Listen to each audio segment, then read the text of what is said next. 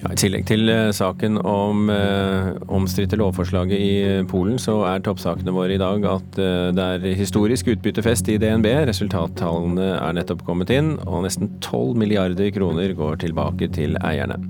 Og Prins William og hertuginne Kate av Storbritannia ser frem til å møte barn og unge under sitt besøk i Norge.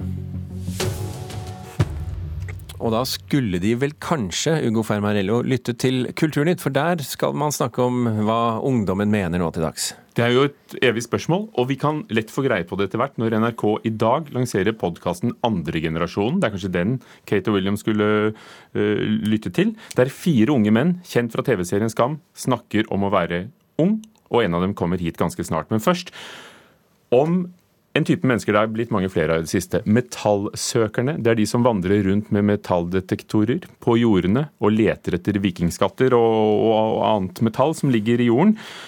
Ingen hobbyarkeologer har fått finnerlønn siden 2014, på tross av at museene aldri har fått inn så mange skatter. Sånne bunker som det her. Konservator Arne Johan Nærøy ved Arkeologisk museum i Stavanger fikk i fjor inn 138 oldtidsfunn fra hobbyarkeologer i Rogaland. Det er mer enn ti ganger så mange som for ti år siden. Eh, de går jo i områder som vi sjelden oppsøker. Men verken i Stavanger eller andre steder har metallsøkerne fått noen finnerlønn siden 2014. Det bekrefter rådgiver hos Riksantikvaren Jostein Gundersen. Eh, årsaken er eh, hovedsakelig en enorm vekst i metallsøkeraktiviteten. Vi måtte uh, sette en fot i bakken og være helt klare på at ikke vi ikke dreiv med forskjellsbehandling, rett og slett. Da. Uansett, de blir jo ikke rike av det som de får der. De kan tenke meg noen hundrelapper kanskje du kan få for noe ting. Metallsøker Øyvind Hetland gjorde drømmefunnet for et år siden. Ved en stor stein på et gårdsjorde på vestsida av Karmøy fant han en sølvskatt fra tidlig vikingtid som hadde unngått plogen. Det var helt spesielt. Tallet på amatører med metalldetektor, og dermed antall innleverte funn, har eksplodert i Norge de siste årene. For metallsøkerne er lovpålagt å levere inn oldtidsminnene de finner. Noen, har, noen får finnerlønn, noen, i et annet fylke der får de ikke f.eks. Så nå blir det jo likt, så det må jo bli bra. Norsk lov åpner for finneren som skal deles med grunneier. Tidligere var funn sjeldne og tilfeldige, men etter at søknadene begynte å strømme inn fra en raskt voksende gruppe hobbyarkeologer, er mange funn ganske like, og vurderingen av hvem som skal få, viste seg å være ulik hos fylkesarkeologene rundt om i landet. Så det, det er nok noen i hvert fall diskusjoner som går i fagmiljøene om hva som er riktig. Om det er riktig med, som noen, noen kaller det nesten letelønn. Er det riktig å gi det man kaller letelønn, eller skal det fortsatt være finnerlønn og knytta til de tilfeldige funnene? Du må finne noe helt spesielt for oss å få finnerlønn. Utstyret koster mye mer enn hva du kan klare å finne for poeng. Du blir ikke rik av å gjøre dette, der, for å si det sånn. Retningslinjer for finnerland skal på plass før sommeren.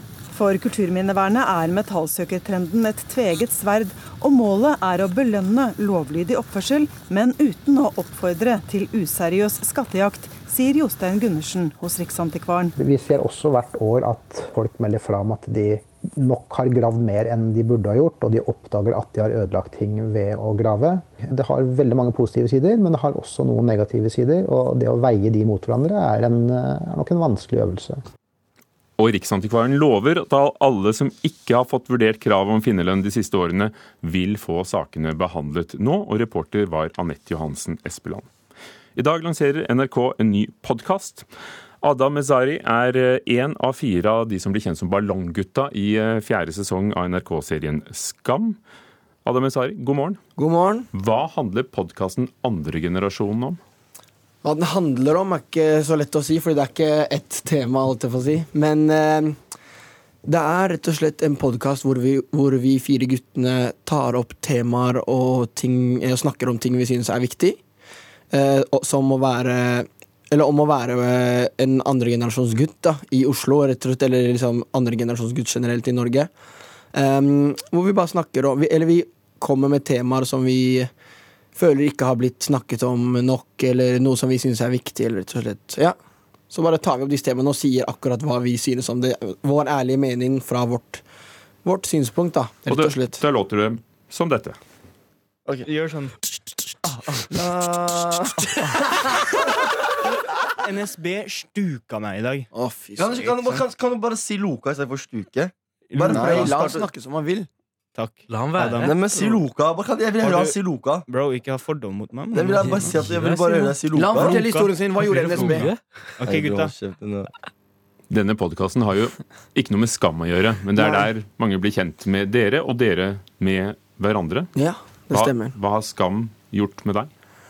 Skam har jo eh, Altså, for det første har jo det gjort at jeg har fått vært skuespiller for første gang. Som har vært veldig gøy. Og jeg har fått eh, mange nye venner, som f.eks. disse tre guttene. Og eh, det er jo venner som jeg har hatt lenge etter Skam også. Og så har det jo gjort at at F.eks. at jeg kan få, gjort dette her, lage en podkast. Nå tar vi jo dette videre på en måte i- vekk fra Skam, da, hvor vi ikke lenger er Skam-guttene, men heller prøver å være andregenerasjons. Um, som da er den nye podkasten, rett og slett. Det er blant andre Djengis Ahl, som er kjent fra Skal vi danse og er en ivrig danser. Og, øh, og så er det deg som er musiker. Den siste låten din heter 'Isbjørn' og spilles på P3 for tiden. Du Ja. er Roald Amundsen i musikkvideoen som ble lansert i går. Hva er du opptatt av i musikken din? I musikken min så er jeg opptatt av å ta opp temaer jeg synes også er viktige, akkurat som i podkasten, egentlig. Og snakke, på en måte være en stemme for ungdommen og for min generasjon og for, for de som kan eh, kjenne seg igjen i måte, det jeg snakker om. da. Og være en, på en måte en talsperson for oss ungdommer. Vi har blitt kjent med de skamløse jentene som har fått flere priser for å ta til orde mot, mot noen av de dilemmaene og undertrykkelsen som de opplever som innvandrerjenter eller andregenerasjonsjenter. Hva er skambelagt og tabubelagt for eh, gutter? For gutter, det er jo veldig ofte å snakke om følelsene sine, ikke sant? Og snakke om kanskje såre temaer. Gutter er jo veldig ofte skal virke maskuline og tøffe og liksom ikke snakke om sånne ting. Eh, Så det tror jeg er veldig tabu for gutter, men Men er det annerledes om du kommer fra en innvandrerbakgrunn enn ikke? I mange situasjoner nok, eh, kan jeg tenke meg at det er det. Eh, Men for, altså jeg eh, Jeg har ville ikke følt det sånn. Men Hva er din bakgrunn? Min bakgrunn, jeg, har, jeg er halvt norsk. Så er jeg en pappa fra Marokko, så jeg er halvt norsk, halvt fra Marokko. Hva tror du er det viktigste å få sagt? da? For dere får tolv episoder. Dere har spilt inn bare den første. Mm. Nå som du får et helt lerret sammen med de tre andre. Ja.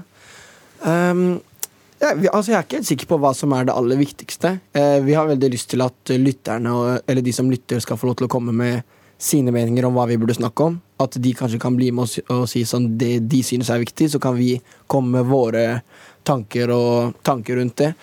Men jeg tror det rett og slett bare er viktig å ta opp de, de kanskje de temaene som er mest naturlig å snakke om, fordi det er det flest kanskje kan kjenne seg igjen i. da. Hva er temaet første episode, da? Det er litt forskjellig. Eh, og for å være helt ærlig så er det så mange at du må nesten bare gå inn og høre selv. Takk skal du ha, Adam Esari. En av Ballonggutta fra Skam også, men en del av andregenerasjonen podkasten som lanseres i dag på NRK. Det skal handle om film. I morgen er det premiere på Coco på det norske kinoer. Den nye animasjonsfilmen fra Pixar. Den ble nominert til Oscar som beste animerte langfilm i forrige uke, og mange tror den vil vinne. Birger Vestmo har sett den. I'm not supposed to love music. No music! No music! Animasjonsgigantene i Pixar er flinke til å servere nye originalfilmer mellom sine oppfølgere. Før De utrolige to kommer senere i år, kan vi nå se Coco, regissert av Lee Unkrich. Han har tidligere vært med på suksesser som Toy Story 2 og 3, Monsterbedriften og Oppdrag Nemo.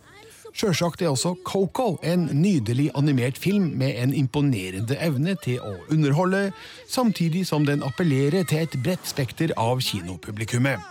Når den likevel ikke når helt opp til de aller beste Pixar-filmene, skyldes det en litt forutsigbar historiefortelling som ikke når de samme emosjonelle toppene som i f.eks. Toy Story, Se opp og innsiden ut. Coco er likevel et godt stykke arbeid som viser at Pixar og Disney fortsetter å lage solide eventyrfilmer med et godt fokus på innhold, ikke bare utseende. All right, who's in there? I'm sorry. What's going on? Uh, I'm just dreaming. Ah! Historien er lagt til Mexico, der lille Miguel nektes å spille gitar. Musikk var nemlig årsaken til at hans tippoldefar forlot familien, annet dattera Coco, som er Miguels gjenlevende oldemor. Nå er all musikk bannlyst, men Miguel bestemmer seg for å trosse forbudet pga. en talentkonkurranse i forbindelse med Dia de Muertos, De dødes dag, der avdøde familiemedlemmer skal feires. Det her fører imidlertid Miguel inn i De dødes rike, der han får en unik mulighet til å avdekke hemmeligheter om sin egen bakgrunn. And if I want to get back to the land of the living, I need the Knuckles' blessing. That's weirdly specific. He's my great great grandfather. He's your what? Tematikken i Coco dreier seg om betydninga av familiebånd. Det handler òg om hvordan dype sjelesår setter spor gjennom flere generasjoner. Filmen prøver stort sett å underholde med fart og moro, men har òg noen vakre øyeblikk av tilgivelse og forsoning som går etter tårene dine. Den er kanskje ikke like effektiv på det området som noen av Pixars aller beste filmer, og persongalleriet har ikke like stor umiddelbar appell som deres mest kjente figurer, som Woody, Buzz Lightyear, Mike, Sully eller til og med Wally. Det har seg likevel slik at Pixars nest beste er bedre enn det meste annet innen animasjonsfilm, slik at Coco uansett er en morsom, underholdende og innimellom rørende filmopplevelse. Det var Birger Vestmo, det. Og husk at alle ukens filmer kan du lese om på nrk.no film. Dette er Nyhetsmorgen klokken er halv ni.